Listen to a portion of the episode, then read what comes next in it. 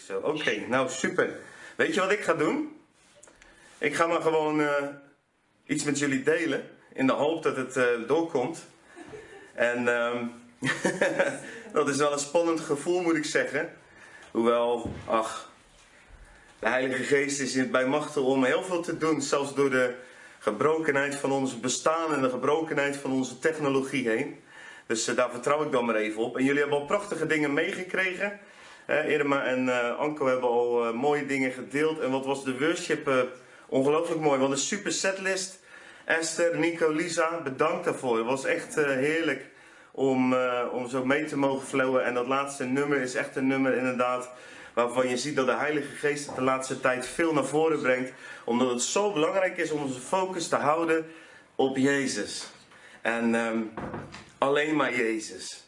Want er is zoveel dat we denken Jezus en, Jezus en, en Jezus maar, maar Jezus maar. Nee, alleen maar Jezus. En dat we leren om die naam van Jezus uit te spreken over alles wat ons vasthoudt, alles wat ons tegenzit.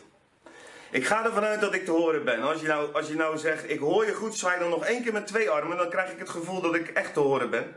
Ja, ja, ja, dat gaat goed. Gelukkig. Dank u Heer dat ik te horen ben. En um, heel veel ik wil ook de mensen die dit proberen op te lossen. Ik weet wat dat doet met je adrenalinespiegel. Ik wil jullie zegenen in de naam van Jezus. En ik wil je aanmoedigen om na de dienst naar, voor de, gebed te gaan, voor nazorg.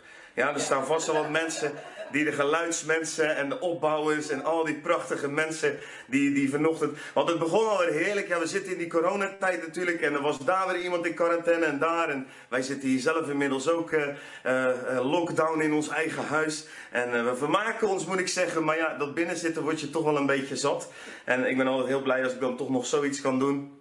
En we hebben afgelopen week zijn we ook lekker live gegaan op verschillende plekken. We hebben nog onderwijs gegeven via de scholen, dus gelukkig gaan de dingen door. En uh, vandaag wil ik met jullie ook iets delen. En uh, wat ik erboven gezet heb is, ben jij een toverbal of een oliebol? En um, dat is eigenlijk de vraag die ik vandaag met je mee wil geven. Ben jij een toverbal of een oliebol? En als je je nu al beledigd voelt, ja, wat ik gewoon goed kan begrijpen verder, dan weet ik zeker dat dit een goede boodschap is. Want een goede boodschap die schuurt altijd een beetje aan de randjes van wat wij leuk vinden. En dat zie je ook bij Jezus als hij op aarde is. Hij zegt dingen die gewoon net even schuren aan onze comfortzones. Die net even schuren aan waar we graag eigenlijk in blijven. En tegelijkertijd is dat dus liefde. Want Jezus is liefde. En hij bracht alleen maar liefde. En ik geloof echt dat deze boodschap die ik eh, van de week op mijn hart gekregen heb. En eigenlijk een soort samenvoeging is van een aantal dingen waar ik al heel lang over nadenk. En waar ik mee bezig ben. Ook in de serie Beeldenstorm die ik hou. Uh, je zou kunnen zeggen, vanochtend gaat het over het beeldenstorm. En, en, de, en, en het beeld wat we mogen vernietigen vanmorgen is het beeld van de charismagische God. Dus ik weet niet hoe goed het geluid is, maar er is dus een verschil tussen een charismatische God of een charismagische God. Ja, is het geluid goed genoeg dat jullie dat ook horen? Dus, dus je hebt een charismatische God en dat is de God, die is charismatisch, want God is geest, hij is charisma, hij is genade. En je hebt een charismatische God en dat is eigenlijk hoe mensen hem zien en hoe mensen hem proberen na te doen op het moment dat hij zelf nog niet altijd direct het werk doet wat mensen graag willen. Ja, die zouden jullie graag nog een keer willen horen natuurlijk. Hè? De charismatische God is de God die mensen, waarin mensen dingen gaan nadoen die ze graag zouden willen, maar die ze nog niet hebben ontvangen. Of die nog niet voor de tijd zijn waarin ze zijn in het seizoen. En dan krijg je dus een verkeerd beeld van God. En dat verkeerde beeld van God kom je tegen links en rechts overal door de kerken heen. En daarom wil ik vanmorgen met jullie kijken. Mijn, mijn underline waar je vandaag een antwoord op moet geven als je straks de deur uitloopt bij Cascade of je sluit je Zoom af, is dat je voor jezelf weet, hey, ben ik nou een toverbal of ben ik een oliebol? En dan begin ik even met die toverbal. Een toverbal die staat natuurlijk voor het woordje toverij. Als jij betoverd bent. In het natuurlijke is een toverbal een ouderwets snoepje met allerlei geuren, kleuren en smaken. En waarvan je instant diabetes kan krijgen als je hem eet. Maar in het, in het geestelijke bedoel ik daarmee dat jij iemand bent die eigenlijk onder een soort van toverij leeft. En dan mag je elkaar altijd even op bevragen. Dan moet je zo eens in de zoveel tijd. En we gaan nu weer naar het einde van het jaar toe. Dus het is goed om even een soort checkpoint te pakken van... hey, leef ik nou in de charismatie? Of leef ik, leef ik in de charismata? Of leef ik onder een bepaalde toverij? Want toverij dat probeert voortdurend ingang te krijgen in onze mensen. Toverij probeert voortdurend eigenlijk onze wil gevangen te nemen. Als je een simpele definitie wil nemen van toverij, dan is het alles wat jouw wil gevangen neemt. Want die wil die jij gekregen hebt van God was zo belangrijk dat God daar alles voor riskeert, alles voor gegeven heeft. Die wil van God was zo belangrijk dat hij in die tuin die hij voor ons creëerde al een risico opnam, zodat wij de mogelijkheid zouden hebben om te kunnen kiezen. Dus onze wil zou je kunnen zeggen, voor God is die heilig. En dat heeft alles te maken met dat de God is die van liefde is. God is liefde. En liefde kan alleen maar op basis van vrijwillige wilskeuze. Niemand kan jou dwingen om van iemand te houden. Als jij wordt gedwongen om van iemand te houden, wat in de wereld maar veel te vaak gebeurt, in de kerk ook overigens, dan ben je dus betoverd. Dan ben je dus een toverbal. Als je gedwongen wordt om lief te hebben, als je gedwongen wordt om te eren, als je gedwongen wordt om je geld te geven, dan is er dus een toverij. En die dwang die bevindt zich vaak natuurlijk niet zo rechtstreeks. Het is bijna nooit dat je een kerk binnenkomt lopen en dat je een groot bord bij de deur ziet staan. Hier dwingen we jou om nou, vul dan maar in wat er allemaal gedwongen kan worden. Dat is meestal niet hoe het werkt. Maar in de krochten van ons bestaan, in de arglistigheid van ons hart, zoals de Bijbel dat noemt, waar de Heilige Geest nog niet helemaal heerst en waar nog niet helemaal die volheid is, daar ontstaan altijd van dat soort dingetjes. En vandaag wil ik met jullie ontdekken dat we afstand mogen nemen van elke toverij en dat we oliebollen mogen worden. En oliebollen, dat weten jullie inmiddels. We zijn er zelfs een speciaal actie voor gestart, hè? dus koop oliebollen. Maar oliebollen, dat zijn mensen van wie hun hoofd gezalfd is, hun bolletje gezalfd is met olie. Psalm 23. En daar kom ik op het eind nog even op terug. Toverij. Toverij is dus alles wat jouw wil gevangen wil nemen, alles wat jou dingen wil laten doen die je eigenlijk niet zou willen doen als je dat daadwerkelijk met God afstemt. En toverij brengt ook altijd iets wat heel erg lijkt op het echte, maar dan wel met een prijskaartje eraan. En het hele simpele voorbeeld dat begint al in Genesis 3. Waar de vijand komt met een betoverende leuze. En vervolgens wijst hij op de betoverende vruchten. Je moet maar eens lezen, staat daar letterlijk, die waren begerenswaardig om aan te zien. En dat is vaak met toverij. Het ziet er heel, heel, heel begerenswaardig uit. Bij de boom van kennis van goed en kwaad staat letterlijk, het zag eruit om je verstandig te maken. En, en dus er is dan een vijand die praat van, joh, als je, als je van die vrucht eet, nee joh, je moet God niet geloven. Luister, je wordt eigenlijk net als God. Dus je krijgt iets. Het is juist iets wat je iets oplevert. Het is fantastisch. En, en, en de toverij is zo aantrekkelijk dat Adam en Eva ze kijken. En ze denken, wow. En Eva ze neemt van die vrucht en Adam staat erbij en hij doet precies hetzelfde. En vanaf dat moment zijn ze letterlijk betoverd zijn ze letterlijk losgemaakt. Hun wil is eigenlijk, zou je kunnen zeggen, gevangen genomen door het woord wat de vijand, wat de slang gesproken heeft, is hun wil geknecht geraakt. Ze zijn in plaats van verbonden met Christus, zijn ze verbonden geraakt met de vijand. Door toverij. En daar is het dus mee begonnen. Dus het is ook logisch dat wij daar heel gevoelig voor zijn. En we moeten leren, en dat is denk ik wat het belangrijkste les is van vandaag die ik je mee wil geven, dat we zelf als ieder individu zo vol zijn van de Heilige Geest en zo in relatie leven met God dat we niet allemaal kijken wat vinden anderen. Tuurlijk mag je met elkaar spreken, je mag met elkaar nadenken, je mag met elkaar zoeken naar wat Gods wil is. Daar zijn we ook voor samengekomen. Maar dat we uiteindelijk leren om zelfstandig besluiten te nemen onder leiding van de Heilige Geest.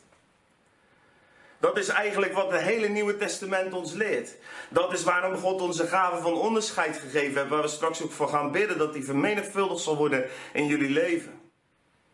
De hele discussie bijvoorbeeld voor vaccin, tegen vaccin. Die hele discussie hoeven wij helemaal niet te voeren. Want we weten gewoon uit het woord van God. Paulus schrijft daar ook over de een kan wel eten, de ander niet eten. Zo is het met heel veel dingen. Wat voor seizoen ben je? Hoe kan iemand jou nou ooit bijvoorbeeld bedwingen om iets te nemen waarvan de Heilige Geest zegt dat moet je niet doen? Misschien ben jij wel die 1 op de duizend die een uitzondering is en er, en er een bijwerking van zou krijgen.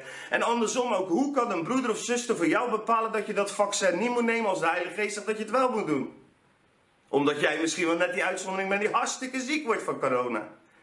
Laat dat soort dingen nou eens gewoon los. Laat mensen nou eens in de vrijheid met elkaar om zelf keuzes te maken. Want anders zijn we altijd bezig om elkaar te betoveren. Want heel veel dingen zijn gewoon voor elk individu verschillend. We hebben. Nee, trouwens, ik ga niet te veel voorbeelden geven, want we lopen natuurlijk anders heel erg qua tijd uit. Dit lijkt me duidelijk genoeg. Goed voorbeeld. Lekker actueel ook, hè, lieve mensen? Wat zitten jullie er prachtig bij? Wat leuk. Alright, toverij. Ik zal je het voorbeeld geven. Ik zal je, dit wil ik even benoemen nog over wat toverij doet. Hè. Dus die vijand die wil die verbinding met jou aangaan. Dus je krijgt wel iets wat erop lijkt. Je krijgt iets wat erop lijkt. Tuurlijk. Schijnveiligheid, eh, schijnzekerheid. Je krijgt soms eh, bepaalde gaven waarmee je eh, dingen kan doen. Alles, de vijand doet alles om, om God na te bootsen. Alleen hij neemt jouw wil daarvoor gevangen. Je raakt verbonden aan hem. En hij zal altijd zal iets terugvragen voor dat wat hij geeft. Toverij is een gruwel voor God. Mensen die niet in staat zijn om hun eigen wil te vormen en uit te leven. Ten diepste is de hele gemeente van God, de hele community, als je Efeze leest, is bedoeld juist om, om, om te leren met elkaar, om zelfstandig te leven met God en verbonden met elkaar. Zoals die communicerende vaten waar ik vorige keer over gesproken heb. In de brief van de Galaten kom je een andere soort toverij tegen. Ik heb het nu even over de toverij gehad die we hè, ehm, als voorbeeld het vaccin of, of wat voor dingen ook, hoe we elkaar maar betoveren, hoe we elkaar ook maar dingen opleggen, hoe we elkaar ook maar beperken in onze eigen keuzes. En weet je, lieve mensen, dit is zo diep in de, in, in de gemeente van God, omdat het voor leiders en voor uh, voorgangers zo heerlijk is om als het ware jou ook te betoveren. Ja, dat klinkt misschien heel ruig, maar ik heb dat zo vaak gezien. Weet je wat we dan zeggen? Dan zeggen we, nou weet je wat, ik vind dit en dat. Dat moet jij eigenlijk ook vinden. En, en, en dan die mensen, jullie, die denken dan, nou oké, als hij dat vindt, dan geef ik eigenlijk mijn verantwoordelijkheid aan hem. Of aan haar, wie de voorganger ook maar mag zijn. En dan hoef ik me er niet meer druk over te maken. Dat is ook toverij. Want God vraagt van jou zelf rekenschap. God vraagt ook rekenschap van waar ik in voorga en wat ik je leer en wat al die andere mensen die voorgaan en, en al die christelijke leiders. Maar hij vraagt ook van jou zelf rekenschap voor de keuzes die je maakt. En daarom is toverij zo ontzettend gevaarlijk als het in het lichaam door gaat druipen. Voor de kortste keren krijg je eigenlijk mensen die niet meer in staat zijn zelfstandig te denken, maar als een soort ja, uh, hersenloze achter iemand aangaan. En zo ontstaan culten, zo ontstaan sectes, zo ontstaan allerlei dwaze uh, winden van leer. In het Nieuwe Testament staat er al vol mee. Paulus die schrijft ook heel boos ertegen. En een van de grootste tovenarijen uh, die je ook in de kerk heel veel tegenkomt, en die kom je ook tegen in Galaten, is de tovenarij, de toverij van de wet. Om weer dingen op te leggen op mensen.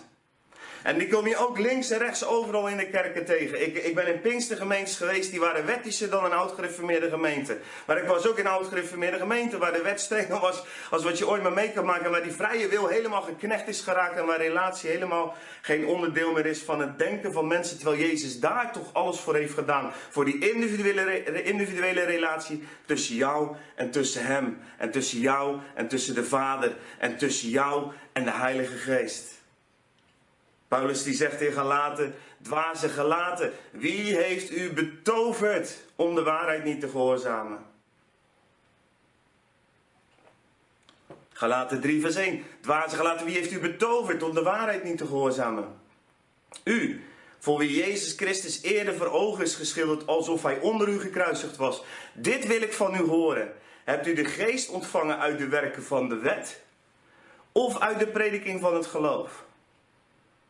Zodra wet weer terugkomt, zodra er weer nieuwe wetten ontstaan.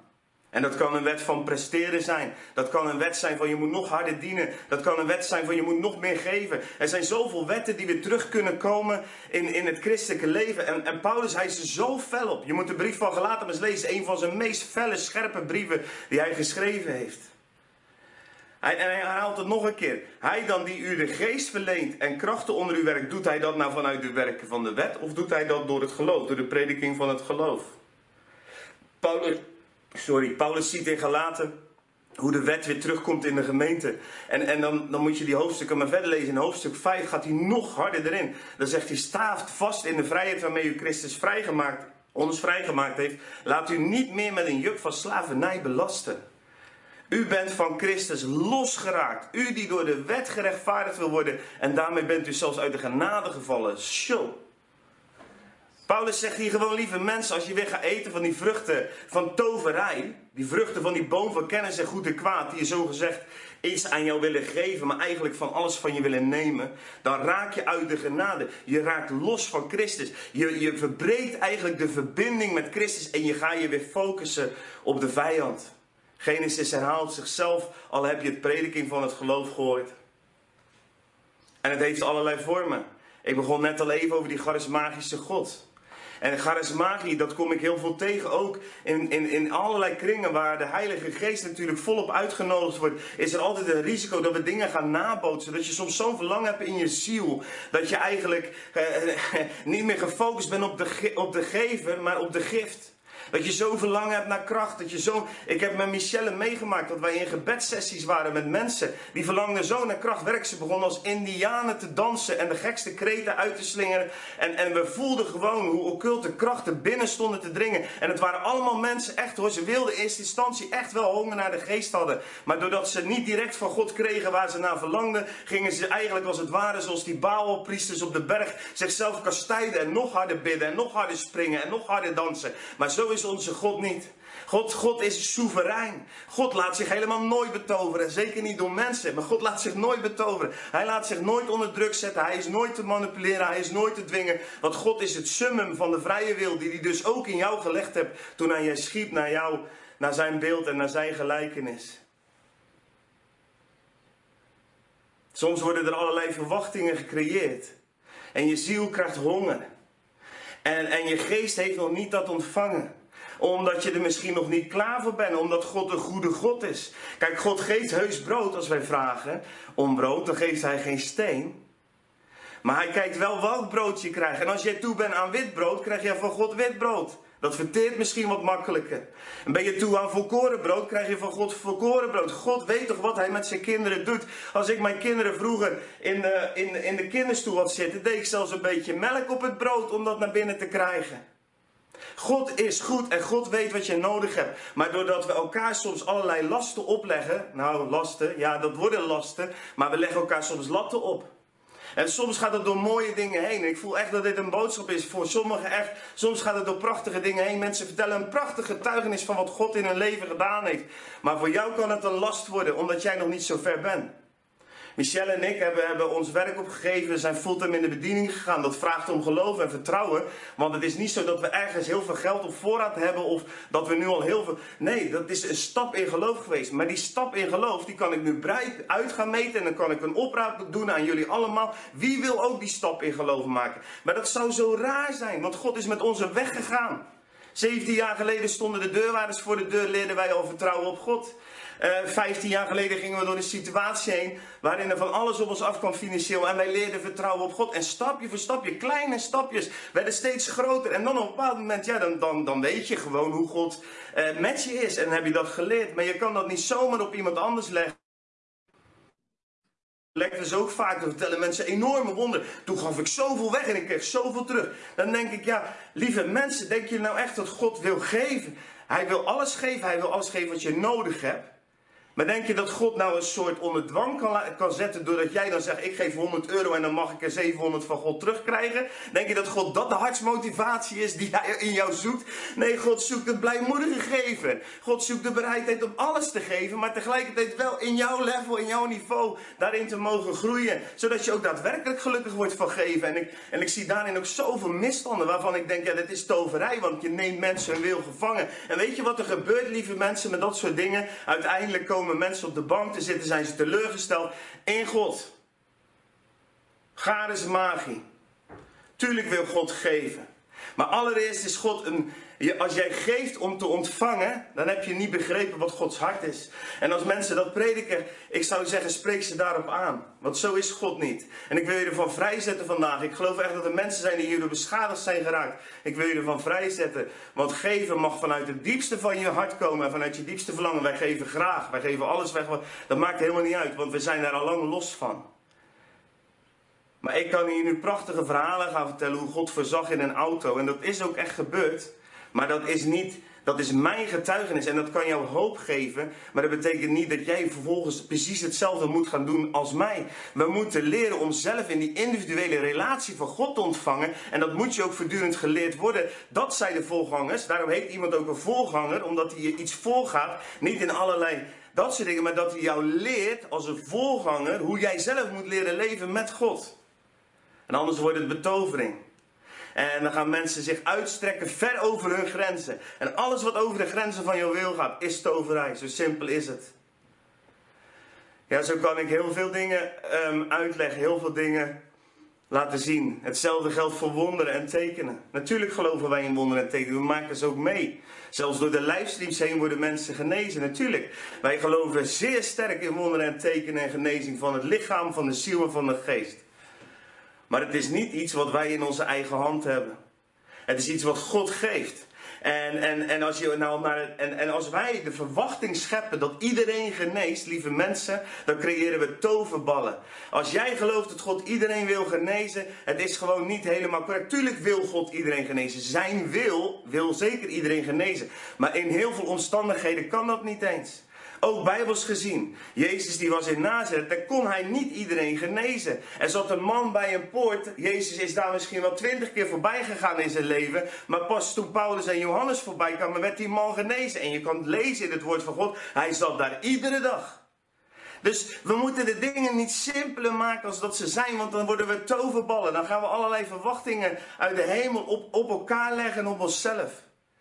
En misschien vind je dit een heftige boodschap, omdat je juist zo verlangt naar die dingen. Ik, ik verlang er ook naar. Ik heb mijn hele leven gegeven en alles doen wij. En ik leg duizenden mensen de hand op en altijd weer heb ik geloof voor genezing. En ik zie het. En ik zie ook dat God het doet. Maar tegelijkertijd weet ik ook dat de eerlijke boodschap is. Paulus, hij liet iemand ziek achter. Dat is de eerlijke boodschap. Er zijn in deze wereld dingen die wij niet kunnen verklaren. God wil wel altijd genezen, maar ik zeg het altijd maar simpel. God kan dus niet altijd genezen. Dat kan hij wel, alleen hij kiest ervoor om in de wetten die hij in deze aarde geschapen heeft, om zichzelf daaraan te houden. En een van de dingen bijvoorbeeld die je kan lezen in de brief van Korinthe, is dat daar waar verdeeldheid is, daar zijn ook vele zieke, zwakke en vele ontslapen onder u wordt direct gekoppeld aan de manier waarop mensen met elkaar omgaan. Nou, als ik kijk naar het lichaam van Christus, hoe verdeeld het is, dan is het logisch dat onder ons ook vele ziekte, zwakken en, en ontslapenden zijn. En onze boodschap is dan niet van, en je moet in je geloof zijn, en je moet, en je moet, en je moet. Hoor je het? Moet, moet, moet, moet, moet. Vrucht van de boom van kennis van goed en kwaad. Onze boodschap naar elkaar is, hoe creëren we liefde? Hoe creëren we eenheid? Hoe creëren we met elkaar een cultuur waarin Jezus zich thuis voelt en waarin Jezus daadwerkelijk zichzelf kan zijn en zijn liefde en zijn genade kan betonen met kracht. Hoe? Hoe hou ik van jou? Hoe zoek ik je hart? Hoe vind ik jou? Dat is, de, dat is wat we moeten zoeken. We moeten niet naar die wonderen en tekenen te gaan jagen. We moeten tekenen en we moeten naar die eenheid jagen. Naar die liefde. En daarom is de vijand altijd bezig met betoveren en verdeeldheid en narigheid. En er zijn zoveel mensen die zo gekwetst zijn op het gebied van genezing, omdat er gewoon een verkeerde leeuw wordt neergezet. Ik heb mensen regelmatig huilend, let echt waar. Dat kan Michelle beamen. Ik heb mensen huilend aan de telefoon, en zij trouwens ook, over hoe ze teleurgesteld zijn geraakt in God door een verkeerde leer. En dat is niet oké. Maar we hoeven dan niet gelijk ons geloof te parkeren. Nee, want God wil het echte wel geven. We moeten alleen dat neppe wegdoen. Het charismagische. Het, het, het fantaseren. Het elkaar dingen opleggen. En we moeten leren om mensen zelf met God te connecten. Wat is er in mijn leven? Wat is het proces? En natuurlijk vallen dingen niet te begrijpen. Ik stond, in de, ik stond dag en nacht bij het wiegje van mijn zoon uh, die, geboren is met, die was geboren is met een aangeboren afwijking. En ik wist en ik dacht het zeker te weten dat God hem ging genezen. Maar God genas hem niet. En ik denk dat ik nou, zonder overdrijven, ik denk dat ik wel, wel, wel, wel drie, vierhonderd keer ervoor gebeden heb. Maar God genas hem niet. En dat deed van alles met mij. Uiteindelijk bracht het me dichter bij God omdat ik mezelf moest overgeven aan de woorden die Jezus ook sprak in Gethsemane. Niet mijn wil, maar uw wil geschieden. Niet mijn wil, maar uw wil. De enige die mij mag bezetten, de enige die mij mag betoveren, als ik het zo mag zeggen, dat is God. Hij mag mijn wil overnemen, zodat ik niet een toverbal ben, maar dat ik een echte oliebol kan worden. En dat de zalving van die hij uit de hemel wil geven door mij heen kan stromen naar deze wereld. En lieve mensen, vergis je niet, want ik hou van wonderen en tekenen. Ik hou van genezingsdiensten. Ik hou van de kracht van God zichtbaar zien worden. Maar ik hou ook van echtheid. En ik hou ook van oprechtheid. En ik hou ook van het woord snijden zoals het geschreven staat. En niet daar alleen maar cherrypicking uit het woord doen. En dan een, een beeld creëren van een God die gewoon niet op deze aarde, wat, wat niet op die manier al is. Nee, we mogen voortdurend bidden. Het is mijn voortdurende gebed. Mensen die mij kennen weten dat later hemel op aarde zichtbaar worden. Zo, dat Gods wil op aarde geschieden zoals, zoals in de hemel. Ja, en als dat zover komt, en we zien daar de eerste beginsel voortdurend van, in de gemeente, we zien dat overal waar we komen, zien we dat God die hemel op aarde wil geven, maar het is, we blijven dat bidden, want die hemel is nog niet volmaakt op aarde. Het zijn slechts beginselen. Het zijn net stukjes genoeg om ons op te wekken en door te gaan, zodat we nog meer gaan begeren, nog meer gaan zoeken, zodat we dat brood vanuit de hemel gaan begeren en gaan uitbidden in onze levens.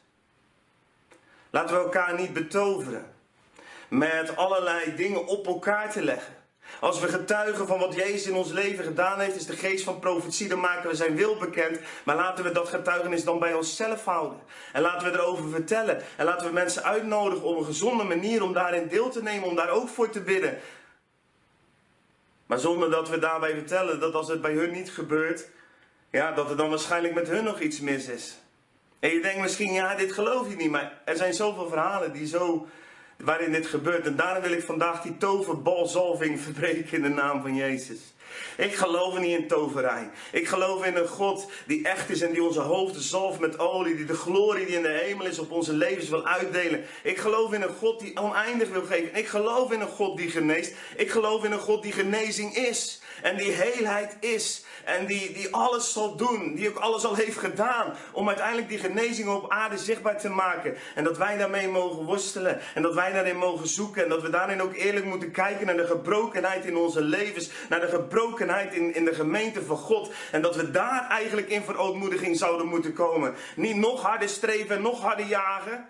Paulus was mijn man. Ik hou van Paulus. Hij zegt: Ik ben drie keer voor dit. Het is nog niet gebeurd. Heer, dan is mijn genade u genoeg. Misschien is dat wel een goed statement om af en toe te maken in je zoeken. En dan ga je niet op zoek naar, naar dat wat God jou per se moet geven. Maar dan mag je weer verder gaan in je zoektocht naar Hem. En dan laat je dat wat hij wil geven even opzij gaan. Want je hongert en je dorst naar Hemzelf. En naar die levende relaties. Naar die momenten dat je met Hem spreekt. Momenten dat Hij je aan mag raken. Dat je onder Zijn kracht mag zijn. Dat je Zijn liefde mag voelen. Dat alles in jouw leven op zijn kop gaat. Dat je een ander mens wordt. Zodat je naar buiten toe, zelfs al zit je in een rolstoel, nog de liefde van God kan getuigen in Jezus' naam. Dat is wat we elkaar moeten leren. Om te hongeren naar Hem. Naar de, naar de gever. Zonder dat we altijd bezig zijn met die gift. Want daar ligt een risico. Dat we toverballetjes worden. En dan glanzen we even mooi. En dan glimt het even. Dan lijkt het ook zo aantrekkelijk. Maar uiteindelijk zijn we dan toch gebonden geraakt. Aan de verkeerde bron. Aan de verkeerde motivatie. Uiteindelijk ligt veel van deze toverij bloot dat er nog zoveel werelds denken in ons schuilt. Alle motivatie die uit angst voortkomt. Alle motivatie die uit schuld voortkomt. Schaamte. Het is het systeem van de vijand. Werk je niet hard genoeg? Dan ben je schuldig. Doe je niet genoeg voor de kerk? Ben je schuldig. Uh, geef je niet genoeg? Schuldig. Uh, of angstig. Oh, als ik niet genoeg geef, oh, dan kan God mij misschien niet vergoeden. Wat, ik, hallo, God is vader, lieve mensen. God kijkt niet zo naar ons. En als wij al zo naar elkaar toe kijken, dan verbreek ik dat nu in de naam van Jezus. We moeten leren om oliebollen te zijn. En oliebollen die geven omdat ze gezalfd zijn en overstromen. Die geven omdat ze het heerlijk vinden om te geven. Die, die, die, zetten zich in in de gemeente omdat ze het heerlijk vinden om te zien hoe Gods kracht daar een plek krijgt. En hoe mensen genezen en tot heling komen en, en bevrijd worden. Omdat ze daarvan genieten, omdat het het werk van hun vader is wat ze mogen doen. Dat doen oliebollen. Maar toverballen doen alles uit angst en schuld en schaamte. Ze, ze, eigenlijk zitten ze nog steeds onder een wet.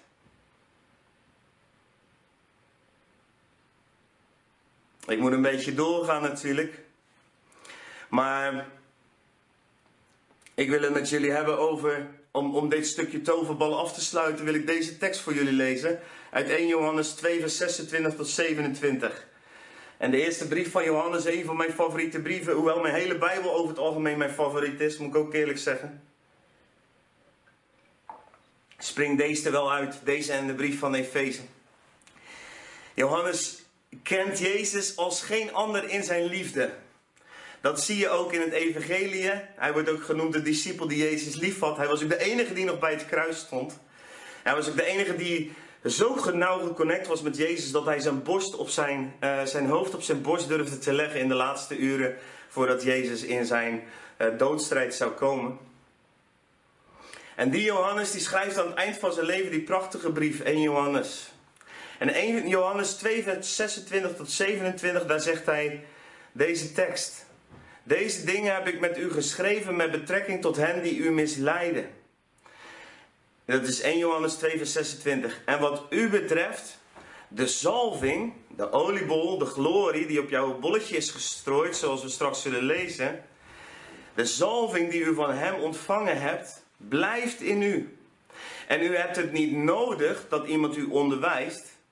Maar zoals deze zalving u onderwijst, met betrekking tot alle dingen.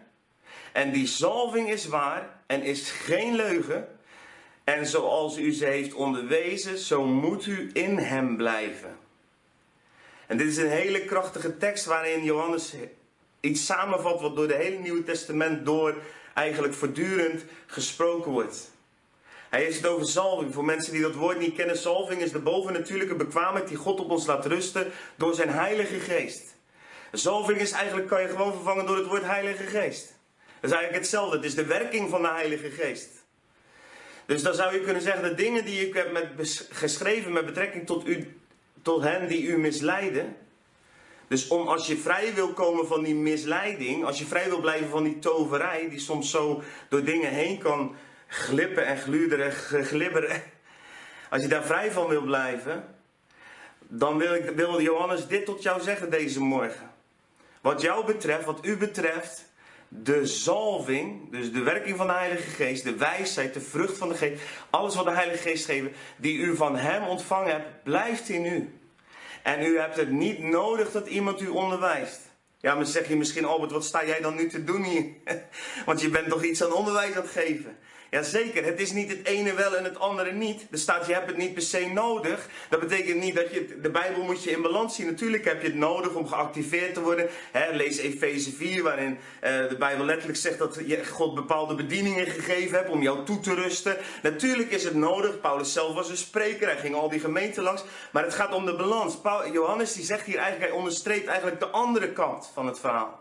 Namelijk dat jij iets gekregen hebt, namelijk een zalving die op jou is en op jou rust. En als je op die zalving leert vertrouwen vanuit die intimiteit met God. Want hij eindigt dit zinnetje, dit is de tekst met zo moet u in hem blijven. Kijk, dat is een voorwaarde. Dan is die geest van onderscheid, dan is die zalving daar om jouzelf te helpen jouw eigen keuzes te maken. En dan kom je onder onderwijs. Natuurlijk, dat is nodig. Ik kan je onderteksten vertellen waarom het nodig is dat jij onder onderwijs komt. Het geloof komt door het gehoor enzovoort. En, en, en je moet toegerust worden tot dienstbetoon. En natuurlijk, onderwijs is fantastisch, goed, is nodig. Maar onder dat onderwijs ben jij degene die verantwoordelijk is voor dat wat er in jou komt. Want anders zou ik volmaakt moeten zijn. Of al die andere mensen waar jullie naar luisteren, zouden allemaal volmaakt moeten zijn. Nou, dat is toverij. Als jullie op mij gaan leggen dat ik op die manier volmaakt moet zijn, dat ik nooit meer een foute interpretatie van het woord van God zou kunnen komen, door wat dan ook. Hallo, laat mij alsjeblieft lekker vrij zijn daarin. Want ik ben een mens. En door de tijd heen leer ik soms hele andere dingen. Als ik kijk wat ik tien jaar terug of vijf jaar terug vond van bepaalde zaken, heeft God mij daarin bijgeleerd. Nieuwe openbaringen gegeven. Maar vijf jaar geleden preekte ik ook net zoveel overtuiging. Uh, dingen waarvan ik nu denk, nou, daar ben ik iets anders in gaan denken. Daar gaat het dus niet om. Onderwijs is niet bedoeld om jou dus om jou te inspireren, om jou dichter bij God te brengen. Om te zorgen dat die naam van Jezus, hè, wat we gezongen hebben, Spiek de naam van Jezus, dat die voortdurend in jouw mond genomen wordt. Om jou te motiveren en te activeren. Maar jij bent zelf degene die verantwoordelijkheid draagt voor dat wat je ermee doet. En, en dit is wat Johannes zegt. Hij zegt, die zalving die op jou is, die kan jou onderwijzen met betrekking tot alle dingen.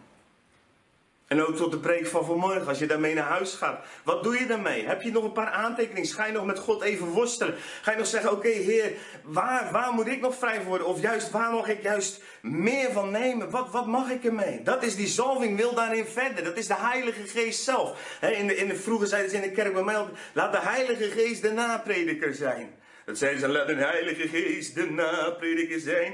Nou, laat die heilige geest in Gods naam de naprediker zijn. In de naam van Jezus, laat die met jou lekker gaan worstelen. Want die zalving rust op jou. En ik verlang er zo naar. En ik geloof dat dat ook de doorbraak wordt. Waardoor het koninkrijk van God echt op aarde zichtbaar wordt. Dat dit komt alleen maar op het moment dat wij daadwerkelijk allemaal vanuit die zalving gaan leven. Iedereen. Want de heilige geest, handelingen 2, is op alle vlees. Is beschikbaar voor iedereen. En Johannes die roept jou hier weer daar weer terug. En dan mag je een oliebol zijn. Geen toverbal. Al die ballast. In de naam van Jezus, we verbreken het over jouw leven. En ik zet je opnieuw fris in, in onder de douche van de Heilige Geest. Psalm 23, vers 5 staat: U maakt mijn tafel gereed voor de ogen van mijn tegenstanders. U zalft mijn hoofd met olie en mijn beker vloeit over. Vloeit over. En u zalft mijn hoofd met olie. Ik heb een oliebol. Ik heb een oliebol. En een oliebol dus zelf, zelf keuzes te maken. Een oliebol dus zelfs te wandelen in de dingen van God. Een oliebol weet wat zijn bestemming is. In oud en nieuw meestal de maag van een mens. Maar dat bedoelen we natuurlijk in dit geval niet. En oliebollen zijn echt. En oliebollen die maken de liefde van God zichtbaar. In alle nederigheid en zachtmoedigheid, met geduld, door elkaar in liefde te verdragen en u te beijveren om de eenheid van de geest te bewaren door de band van de vrede. En ik zie dat de kinderen inmiddels terugkomen, dus ik wil kort voor jullie gaan bidden. En misschien kan je heel even je ogen sluiten en, en dan wil ik bidden dat je. Vader, dank u wel als je je ogen sluit en, en, je, en je wil ontvangen van de Heilige Geest. Vader, dank u wel dat u hier bent. Dank u wel, Heilige Geest. Dank u wel, Koning Jezus, dat u in ons midden bent. En dank u wel dat u dingen aangeraakt hebt. Heer, ook al is het maar beperkt, gaat het snel, is het kort. Ik voelde in mijn hart en in mijn geest, Heer, hoe u dingen losgemaakt hebt. Hoe u bepaalde wettisch denken aanraakt, hoe het schuurt. Vader, hoe u bepaalde toverij dingen in onze motivatie aanraakt en van ons vraagt. Ik wil niet dat je het doet om te presteren of om iets voor mij te doen, maar ik wil dat je leeft vanuit dankbaarheid en vanuit genade en vanuit de overvloed van mijn rijkdom. Ik wil dat je met me zit aan die tafel die ik voor jou toedek, te midden van je tegenstanders. Toverij zegt, ik haal al je tegenstanders weg. Maar God zegt, nee, ik dek een tafel te midden van je tegenstanders. En we eten samen. Vader, we willen zo u vragen of u elke toverij wil verbreken in de naam van Jezus. Vader, daar waar pijn is gekomen, daar waar teleurstelling is gekomen, daar waar bitterheid is. Heer, ik bid echt uit dat iedereen die dit op dit moment hoort, dat ze terug zullen gaan met u, met uw Heilige Geest, of onder het gebed zo straks naast de dienst, dat ze met u op zoek zullen gaan naar de oorzaak waar die bitterheid, die teleurstelling, die vermoeidheid vandaan komt. En Vader, dat ze de toverij die daar ten grondslag legt, aan zullen verbreken. Heer, want een leven vanuit dankbaarheid geeft energie geef kracht, geef vrede, geef vreugde. Joy has come, vieren we deze maand. Een leven vanuit de volheid van Christus. Geeft vreugde, zelfs te midden van je vijanden. Zelfs als alles op je afkomt. Hij is jouw vreugde en hij is met je, hij is jouw vrede. Maar een leven wat onder allerlei valse leren en toverij nog beweegt, dat maakt je moe. Dat leidt tot burn-out. Want je moet weer van alles. Dat leidt tot, tot, tot stress en frustratie. En ik zet je er vrij van. En ik weet dat dit een groot ding is. Ik weet dat dit een groot ding is. En deze moet uit het koninkrijk van God weg. Dit, is, dit moet weg. Want dit gaat, anders, dit gaat anders altijd een rot brengen in het heilige wat God geeft. Altijd. Dank u Jezus. Dank u Jezus. Dank u wel dat u ons aanraakt op dit moment. Dank u wel dat u zelf spreekt tot ons. En dank u wel dat u genade bent. En dat we altijd opnieuw mogen beginnen. En ik zie gewoon in mijn geest hoe God deksels oplicht op dit moment. De dekkingen wegneemt. En ik bid dat uit over jou in de naam van Jezus. Dat, dat Hij mag terugkomen met die frisse olie, met die salving. Met, dat, met die olie, dat je een echte oliebol zal zijn als je hier de deur uit loopt. In de naam van Jezus. En dat we nederigheid mogen aandoen en zachtmoedigheid en vreugde en vrede. En dat je mag leren dat je een echte oliebol bent en dat je meer dan overwinnaar bent in dit alles. En natuurlijk wil God jou zegenen. Natuurlijk wil God jou genezen. Natuurlijk wil God jou helen. En natuurlijk wil God jou bevrijden. En natuurlijk is God een God van overvloed en van die goede geschudden en die gedrukte maat. Maar laat het Hem uitwerken in jouw leven, zoals Hij dat wil. Geef hem de tijd en de ruimte en de overgave, zodat hij die dingen tot wording kan komen. Maar focus je op hem. En op hem alleen. Op hem alleen. Net als Adam en Eve hadden de oren moeten sluiten voor de toverij die hun wijs maakte dat ze nog slimmer zouden worden en dat ze als God zouden zijn. Want ze waren al naar het beeld van God geschapen. Die halve waarheden, die halve leugens met vijf, zes bijbeltekstjes nog omgooid. Hoeveel komen we daarvan tegen? Ik verbreek in de naam van Jezus op dit moment elke geest van manipulatie over jou. Nu en hier in de gemeente en in de Zoom, mensen die verbonden zijn. Ik verbreek elke manipulatieve, wettische geest in de naam van Jezus. Zodat je vrij mag zijn voor het aangezicht van God. Vrij mag leven vanuit de bron van vreugde die nooit en nooit opdreigt. Een bron van leven. In Jezus' naam. En misschien roept dit weerstand op. Dan wil ik je extra aanmoedigen om ervoor te gaan. Niet omdat ik het zeg, maar zoek het uit met de Heilige Geest. Bespreek mijn woorden met Hem, of met het, de Heilige Geest. Bespreek de woorden die ik spreek met de Vader, met de Zoon, de Heilige Geest. Laat hun dat maar napreken, laat hun er maar mee werken. En laat hun ook maar wegnemen als ik dingen gezegd heb die niet goed zijn. Maar laat het leven hersteld worden in jou. En daar, waar toverij zo'n beslag heeft gelegd op je leven. En ik zie mensen soms zo gebukt gaan. En ik haat het. En ik haat de toverij omdat het een vijandelijk middel is om jou klein te krijgen. En daarom zet ik Gods grootheid en Gods liefde over jou vrij. En verbreek ik die toverij. In de naam van Jezus. Zodat je zal leven zoals het behoort. Wandelend door de tuin met de Vader. In de wind van de namiddag. De Heilige Geest. Die jou de openbaring geeft van de Vader door de Zoon. En dat je mag leven en je keuzes mag maken. En die vijand je tuin uit zal slingeren. In Jezus' naam. Amen.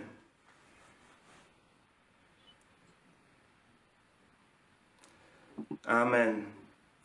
Ik weet niet of er iemand is die mij over kan nemen, maar in ieder geval wil ik je oproepen als iets jou geraakt hebt om daarvoor door te laten bidden na de dienst. Ehm, zodat je ehm, daarin ook een stukje bevrijding kan ontvangen waar dat nodig is. En anders worstel en ga aan de slag met de Heilige Geest. Zoals Jacob heerlijk in de rivier worstelde en een heel ander persoon werd. Jacob bij de uh, rivier de Jabok, waar hij inging met God worstelde. En aan de andere kant stapte hij als een heel andere persoon op de rivier. Eh, op de kant van de rivier. En dat wil ik over je vrijzetten. Zo'n heerlijke worsteling met God zelf. Want dat is wat God ook verlangt. In Jezus' naam. Um, yes, make Yes, yeah.